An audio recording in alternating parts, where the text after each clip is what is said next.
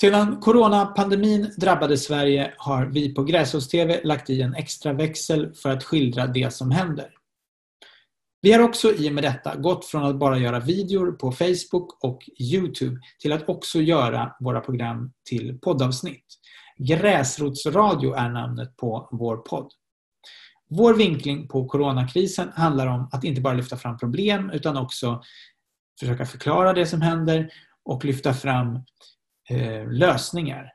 Och lösningar eh, det lyfter vi fram både på en politisk nivå eh, och då handlar det om hur samhället borde agera och hur samhället borde vara organiserat.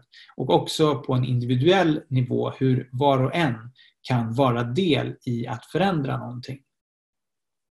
I den här nya serien om världen sedan coronapandemin är dagens avsnitt avsnitt nummer fyra. Tidigare avsnitt hittar du på våra, våra sidor på Facebook och på Youtube och på plattformar där det finns poddar. Förra avsnittet pratade jag med Anders Österberg som är initiativtagare till Järvahjälpen. Det avsnittet handlade om varför Järvaområdet är det värst coronadrabbade området i Sverige. Vi pratar om hur coronasmittan slår utifrån klasstillhörighet och drabbar i områden där människor bor trångt och saknar möjlighet att jobba hemifrån. I dagens avsnitt tittar vi på ett annat område som är särskilt drabbat av pandemin, nämligen äldreomsorgen i Stockholm. Det här misslyckandet är en tragisk illustration av situationen i en underfinansierad äldreomsorg där personalen år ut och år in har slagit larm om undermåliga arbetsförhållanden med bristande säkerhet och bristande livskvalitet för de boende. Inte ens när coronasmittan väl konstaterats hos de boende inom äldreomsorgen i Stockholm fick personalen den skyddsutrustning som de tyckte sig behöva. Det här ledde till att skyddsombud på äldreboendet Serafen genomförde ett så kallat skyddsstopp av verksamheten. Arbetsmiljöverket har gett facket rätt i frågan, men Stockholms stad väljer att inte utan vidare tillmötesgå kraven utan har valt att överklaga Arbetsmiljöverkets beslut. Med mig för att prata om det här finns Lena Eriksson Höjer som är sektionsordförande för Kommunal sektion Stockholm Mitt. Välkommen hit Lena. Tack så mycket. Kan du börja med att berätta om vilket område som eh, sektion Stockholm Mitt täcker in? Ja, vi organiserar ju anställda inom äldreboenden och hemtjänst, alltså kommunala äldreboenden och kommunal hemtjänst i, i sju stadsdelar i Stockholms stad. Så det är Östermalm, Kungsholmen, Norrmalm, Bromma, Hässelby, Vällingby, Rinkeby, Kista och Spånga-Tensta. Det är våra stadsdelar. Det är den, vi har ba- den största eh, kommunalsektionen va? i Stockholm? Alltså vi, ja, vi har väl, är väl de som har flest anställda i Stockholms stad, eller alltså kommunalt anställda medlemmar. Och börja då med att beskriva hur är situationen då för personal och boende inom äldreomsorgen då där i, i de här områdena som du har hand om? Ja, alltså det, det är ju ganska blandat men man kan väl säga att på de flesta äldreboenden så finns det ju någon eller ett par som är covid-19 sjuka. Eh, likadant inom hemtjänst börjar det också komma ett antal personer som, som är smittade då, som behöver vård och omsorg. Uh, och det finns ju också bland personalen, och har funnits en längre tid naturligtvis, en oro för vad det här kommer att innebära för någonting. Och, Eh, hur man ska kunna jobba med de här, vilken skyddsutrustning man kommer att få och så vidare. Det har ju varit väldigt mycket debatt kring det här om att det, det sades ju tidigare då att, att vi ska slå en ring kring, kring de äldre och att det var väldigt viktigt med Eh, att skydda de, de allra äldsta, det är ju det som strategin i Sverige mycket går ut på. Men ändå så har det då eh, kommit något om äldre. Eh, och, och, och, hur har det påverkat arbetet för, för personalen? Ja, det är klart att det påverkar arbetet eh, att man har personer som är sjuka. Så det är klart det påverkar rent psykiskt att man blir orolig för sin egen hälsa, för smittspridning, för de boendes skull. Eh, men också alltså den här oron för att det ska finnas skyddsutrustning och så vidare. Det ju, påverkar naturligtvis jättemycket. Och, och, hur, hur har liksom arbetsgivarna agerat då för, för att ja, se till att det finns resurser eh, och, och, och, personal och så vidare som, som kan handskas med det här problemet? Så det kan man säga att det har funnits en, en, en, en ganska stor tröghet i organisationen ute i verksamheterna. Att inte alla chefer fullt ut har förstått eh, Eh, att man behöver jobba med det här eh, alltså med framförhållning. Man kan inte vänta tills man har problemet i knät utan man måste, både för personalens skull, man ska känna trygghet, men också för att man faktiskt ska kunna tackla de problem som man ställs inför när de, när de finns där. Så att man kan säga att jag tycker att det varit en ganska ojämn situation eh, mellan olika arbetsplatser. Men, Men nu tror jag, alltså nu har ju det här hållit på en, en tid och jag tror ju att de här väldigt tydliga signalerna både från Folkhälsomyndigheten och till exempel från Stefan Löfven, där man tydligt säger att vi har misslyckats med äldreomsorgen. Att det har liksom fått alla i princip att förstå hur viktigt det är att vi eh, gör allt vi kan för att vända den här situationen och, och ta tillbaka det som vi borde egentligen haft från början på plats. Eh, hur har det varit med eh, personal? För det, vad jag förstår så är det ju då väldigt känsligt då att du så fort du är lite förkyld eller så, så, så ska du inte komma till jobbet. Så det måste ju vara ett, ett bortfall av personal. Ja, det är ju eh, absolut ett, ett stort, stor frånvaro periodvis. Det går ju lite upp och ner naturligtvis. Men eh, det var ju stor frånvaro och stor andel vikarier som är inne då. då.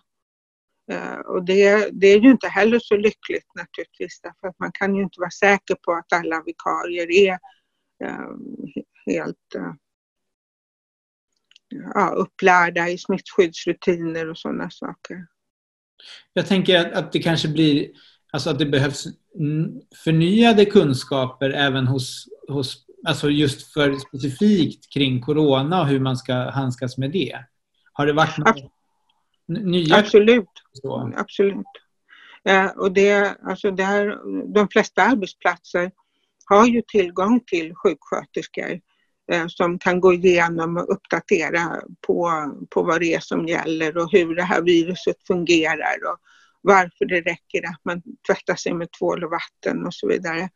Eh, och det märker man ju att det, det skapas ju väldigt mycket oro i personalgrupperna när man läser olika saker på internet i spekulationer om saker och ting, om eh, hur, saker, hur det här viruset smittar och att det, det, verkligen behövs att man med jämna mellanrum får en genomgång och uppdatering på det som är faktiskt, som man faktiskt vet.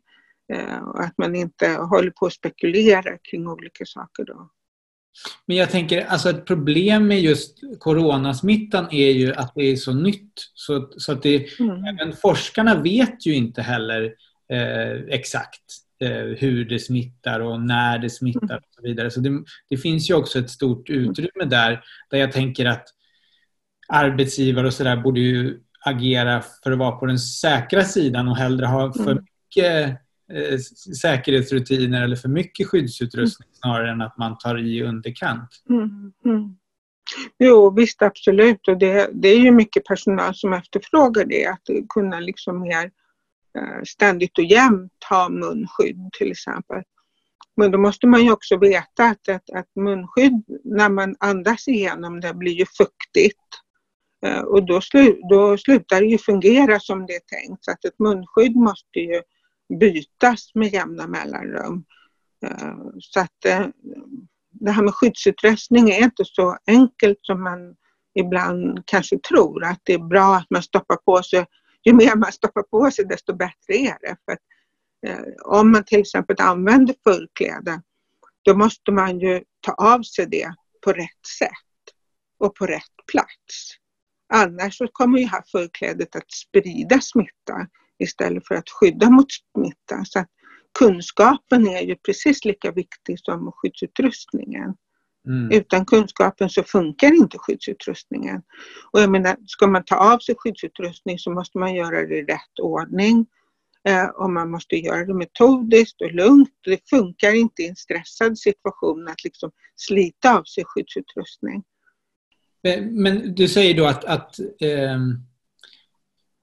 det har funnits en tröghet här, att, att man inte mm. har reagerat. Från början så var det ju väldigt tydligt att, att, vi måste skydda de äldre och sen har det ändå blivit så att smittan har, har nått ut och nu har man lite sent då börjat reagera och, och, och förändra rutiner och, och skyddsutrustning och så vidare. Hur har ni i facket agerat då för att, att driva de här frågorna? Ja, alltså det är framförallt så, så är det ju viktigt att man har skyddsombud på arbetsplatserna. För det är ju framförallt skyddsombuden som kan agera. Det är ju så att alla arbetsgivare är ju skyldiga att göra riskanalyser, riskbedömningar. Den här situationen som har uppstått, kommer den att innebära någon form av arbetsmiljörisk för personalen? Eh, och här kan man ju väldigt tydligt och snabbt se att ja, det kommer det ju göra. Och då ska man också ta fram en handlingsplan för hur man ska eh, minimera eller ta bort de risker som man, som man ser. Och det ska ju skyddsombudet göra tillsammans med chefen. Eh, så att det är väldigt viktigt att det finns ett skyddsombud. För blir inte skyddsombudet nöjd med den här handlingsplanen som, som chefen är den som är ansvarig för att göra, Eh, då kan ju skyddsombudet agera på olika sätt. Man kan ju, om man ser ett problem på lite längre sikt, så kan man ju kräva en åtgärd från arbetsgivaren. Det som man brukar kalla för en 6.6a. alltså det finns beskrivet i sjätte kapitlet paragraf 6A i arbetsmiljölagen, att skyddsombudet har rätt att kräva åtgärder från arbetsgivaren. Och det andra, om det är mer akut risk för, för liv och hälsa, då kan ju skyddsombudet gå in och stoppa arbetet. Och det har vi ju bland annat varit omtalat då att skyddsombudet på Serafens äldreboende på Kungsholmen har gjort det. Eh, och i ett sådant läge så är det ju bara Arbetsmiljöverket då som kan komma ut och, och öppna arbetet igen. Eh, och I det här fallet så, så stoppade ju skyddsombudet arbetet som var närmare än en meter ifrån personer som var misstänkt smittade eller smittade. Eh, och om man inte hade både visir och munskydd. Då, då. Och eh, där gav ju Arbetsmiljöverket, när de kom ut, då, så, så gav ju de arbetsgivaren ett föreläggande om att den här skyddsutrustningen, visir och munskydd skulle finnas Eh, hos, eh, om, man, om man jobbade så nära, som de säger, då patientnära omvårdnadssituationer. För det är klart att jobbar man med personer på äldreboende som är, har ett väldigt, väldigt stort omvårdnadsbehov så går det ju helt enkelt inte att hålla den här tvåmetersregeln eller arm, armlängds avståndsregeln som Folkhälsomyndigheten pratar om. Då, då. Så det var ju någonting man gjorde då på, på äldreboendet Serafen eh, mm. och, och, då fick man rätt i den frågan och, och då blir det som ett prejudikat. Att, att det blir som att då ska det gälla, då, då testas ju så att säga vad som gäller och då ska det gälla generellt då på äldreboende. Alltså så säger ju Arbetsmiljöverket att det inte ska tolkas utan okay. att varje, varje situation måste bedömas för sig. Okay. Eh, och Arbetsmiljöverket och Sveriges kommuner och regioner har gått ut i ett gemensamt uttalande där man säger just det. Varje verksamhet är ansvarig för att göra en sån här riskanalys eh, och eh, ta fram de åtgärder och, och skyddsutrustningen menar man den ska ju vara avhängig vad är det för arbetsuppgifter som ska utföras. Samtidigt så säger ju Arbetsmiljöverket att skulle de bli inkallade i en liknande situation som den på Serafen så är det väl ett, eh, ja, ganska välgrundat att tro att man kommer att göra samma, ge samma föreläggande då. Man kommer komma till samma slutsats. Men som sagt de vill ju inte gå ut och säga att det är prejudicerande på det sättet. Nej. Utan där måste man driva frågan på varje enskild arbetsplats. Men vi märker, det var en annan stadsdel mm, där man har en hel del eh, smittade både på äldreboenden och i hemtjänst. Då, där vårt huvudskyddsombud inom äldreomsorgen hela skärtorsdagen förde resonemang med förvaltningen Eh, och där han så sent som klockan 16 på skärtorsdagen fick äntligen ett besked om att jo, det skulle finnas nu skyddsutrustning inför påsken på boende och på, inom hemtjänst. Då. Och det var ju lite grann mot bakgrund av det som hade skett på Serafen. Då, då. Så det är klart att det är, ju, det är ett användbart föreläggande så att säga. För arbetsgivaren förstår ju också att skulle vi lägga samma skyddsstopp på ett annat boende eller inom hemtjänst så skulle man få ungefär samma resultat. Och, och, det är också en fråga, tänker jag, vad det gäller testning då av mm. personer. Att det tar ju tid att, att kunna testa. Vilken möjlighet finns det för att göra tester inom äldreomsorgen och hur lång tid tar det? Innan... Alltså, alltså min erfarenhet är ju att de som har äldreomsorg eh, på äldreboenden ska jag säga, eh, som man eh, misstänker är smittade blir testade. Eh, när det gäller de som har hemtjänst så är det lite mer tveksamt om man får göra test. Det är lite grann upp till vårdcentralerna och så hur, hur man agerar. Eh, så att det, det är lite osäkrare men, men det får ju det till följd att en person som man misstänker vara smittad och där man inte får en test gjord måste man ju betrakta som att den vore smittad. Den Nej. vore covid-19 sjuk. Mm. Och det är, ju, det är ju tråkigt både för personalen och för eh, pensionären om det inte skulle vara så att man, man har de här skyddsåtgärderna i onödan så att säga. Så att det är verkligen Eh, angeläget att de, de vi misstänker är smittade, att de också får en test gjord så snabbt som möjligt.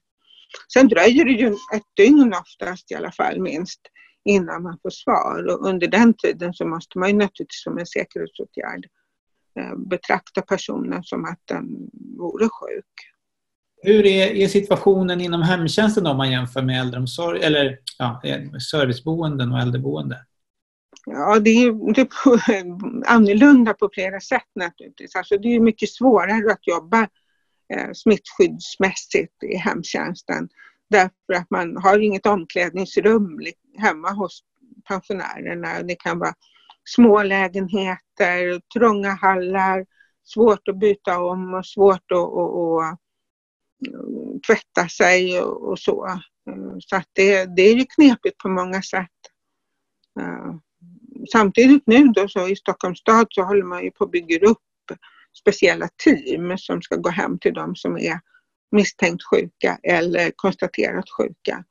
Och de teamen bygger ju på frivillighet, att det är personer som, som vill jobba med det här och som, som känner sig rustade för att göra det kunskapsmässigt och så. Inte, inte är så väldigt oroliga över situationen utan känner att de behärskar det här och, och, och ha kontroll. Och, och, jag tror ju också de har fått verkligen löften om att det ska hela tiden finnas skyddsutrustning för dem. Så det, det tror jag verkligen är en, en väldigt bra lösning. Att man har de här specialteamen då som, som verkligen kan de här frågorna. Anders Tegnell har också lyft fram det här med att, att det, det är vi, vi, ser det speciellt i, i, Sverige att, att det liksom inte alls har fungerat. Att smittan har kommit in där den inte skulle komma in.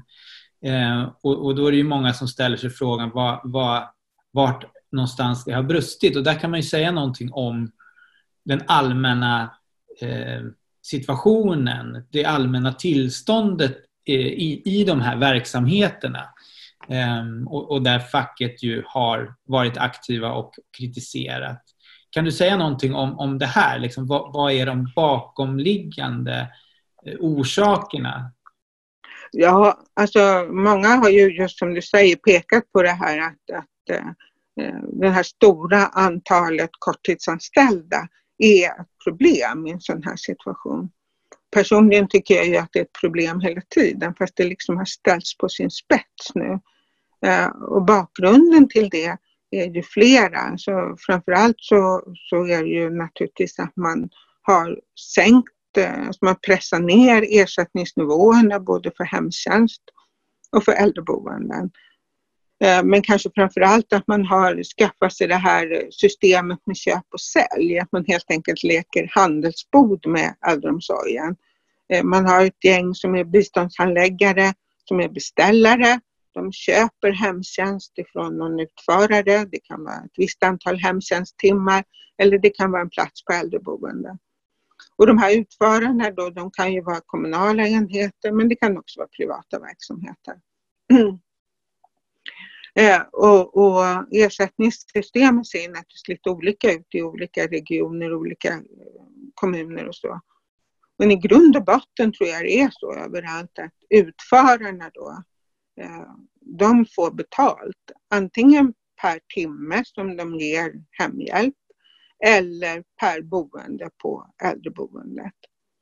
Eh, och då är det ju så att, att om, som i Stockholm till exempel, så är det jätte, jättesvårt att få plats på äldreboende. Eh, alltså, man måste vara väldigt vårdkrävande, multisjuk. Eh, det räcker inte att vara 95 år och blind och, och ha haft två hjärtinfarkter utan det ska mer till för att man ska få en plats på äldreboende.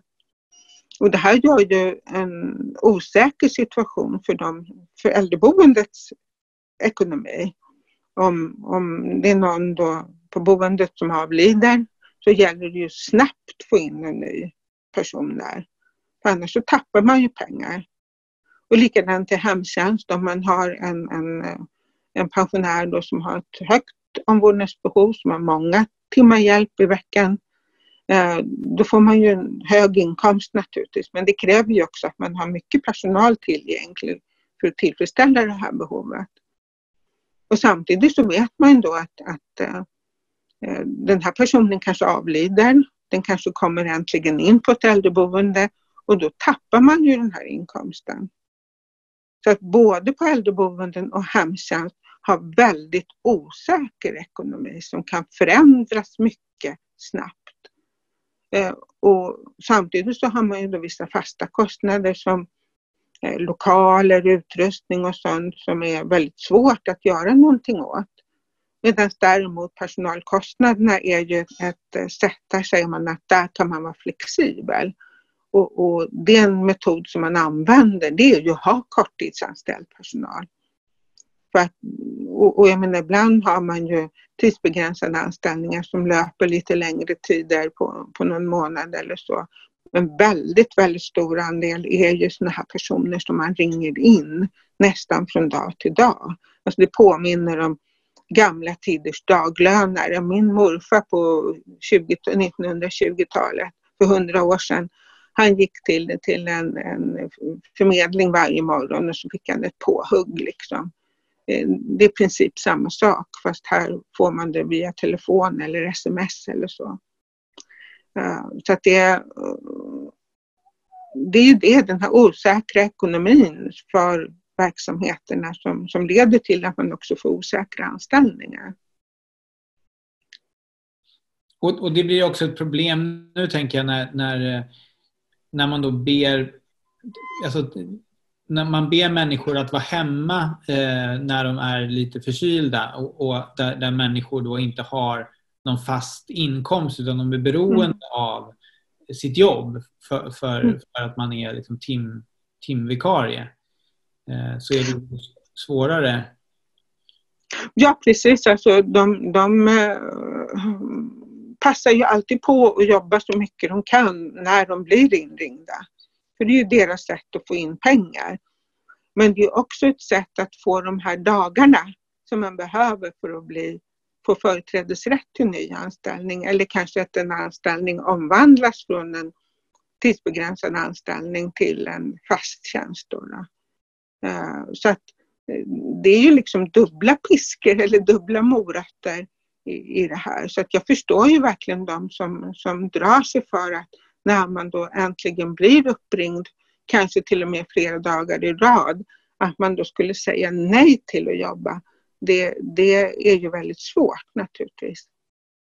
Ja, men du, du tog upp det här med, med privatiseringarna och, och hur kan man se, kan man se att det påverkar eh, Ehm, att det är serviceboenden som är privata jämfört med de som är kommunala, hur det påverkar nu i coronatider? Ja, alltså jag tror ju att en större arbetsgivare har ju väldigt mycket större möjligheter att få fram skyddsutrustning till exempel. Stockholms stad, där samordnar man ju, man har en samordningsfunktion i stadshuset som, som jobbar med att få fram för, för, skyddsutrustning och distribuera den ut till verksamheterna. Då. Det är klart att en liten privat anordnare har väldigt mycket större svårigheter. Och speciellt tänker jag då på hemtjänst som, som ju består av en oändlig massa små företag då, som med bara ett fåtal anställda.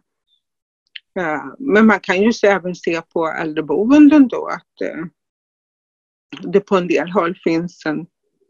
Eh, där finns det ju fler större, större eh, kedjor eller vad man ska säga för någonting. Eh, men jag tycker ändå mig kunna se att det finns en, en mindre tillgång på skyddsutrustning inom de privata verksamheterna än inom Stockholms stad. Eh, ja.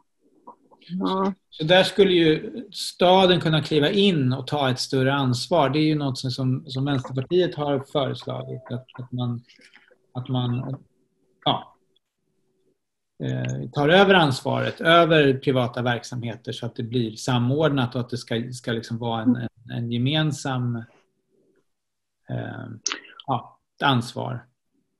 Ja, alltså i det, i det korta perspektivet så, så är det nödvändigt antagligen att göra någonting sånt för att inte både personal och boende, alltså vårdtagare, blir, blir drabbade av det här.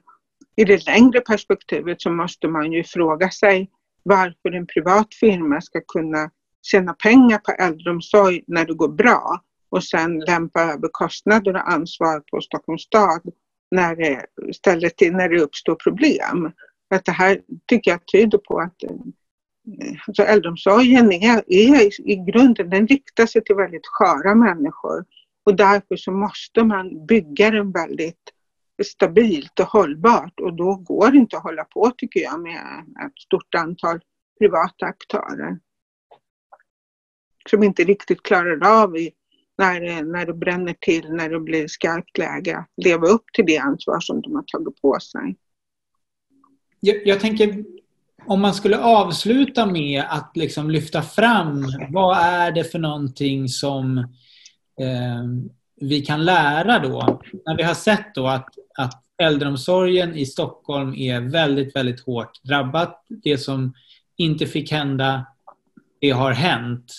Mm. Eh, och, och vad, vad lär det oss om hur äldreomsorgen bedrivs och hur, vilka förändringar skulle behöva göras nu eh, långsiktigt så att säga? Mm.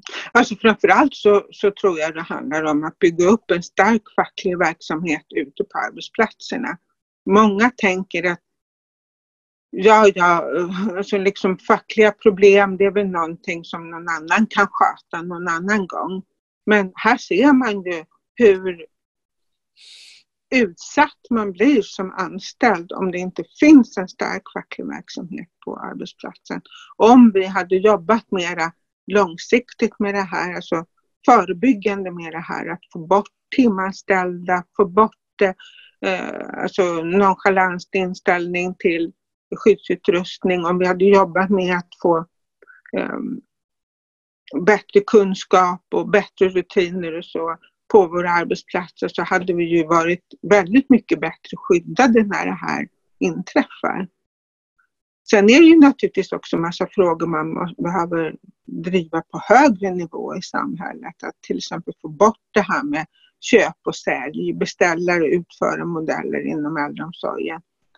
Eh, vi behöver se till att fasta anställningar blir normen inom äldreomsorgen heltidsanställningar blir normen inom äldreomsorgen. Att man får utbildning, alltså, där är ju också många arbetsgivare Eh, har ju väldigt, eh, vad ska man säga, satsar ju väldigt olika. Stockholms stad har ju satsat väldigt mycket på att utbilda sin personal, att ge undersköterskeutbildning. Medan man kan se att många andra privata utförare har väldigt låg andel personer med adekvat utbildning i sina verksamheter.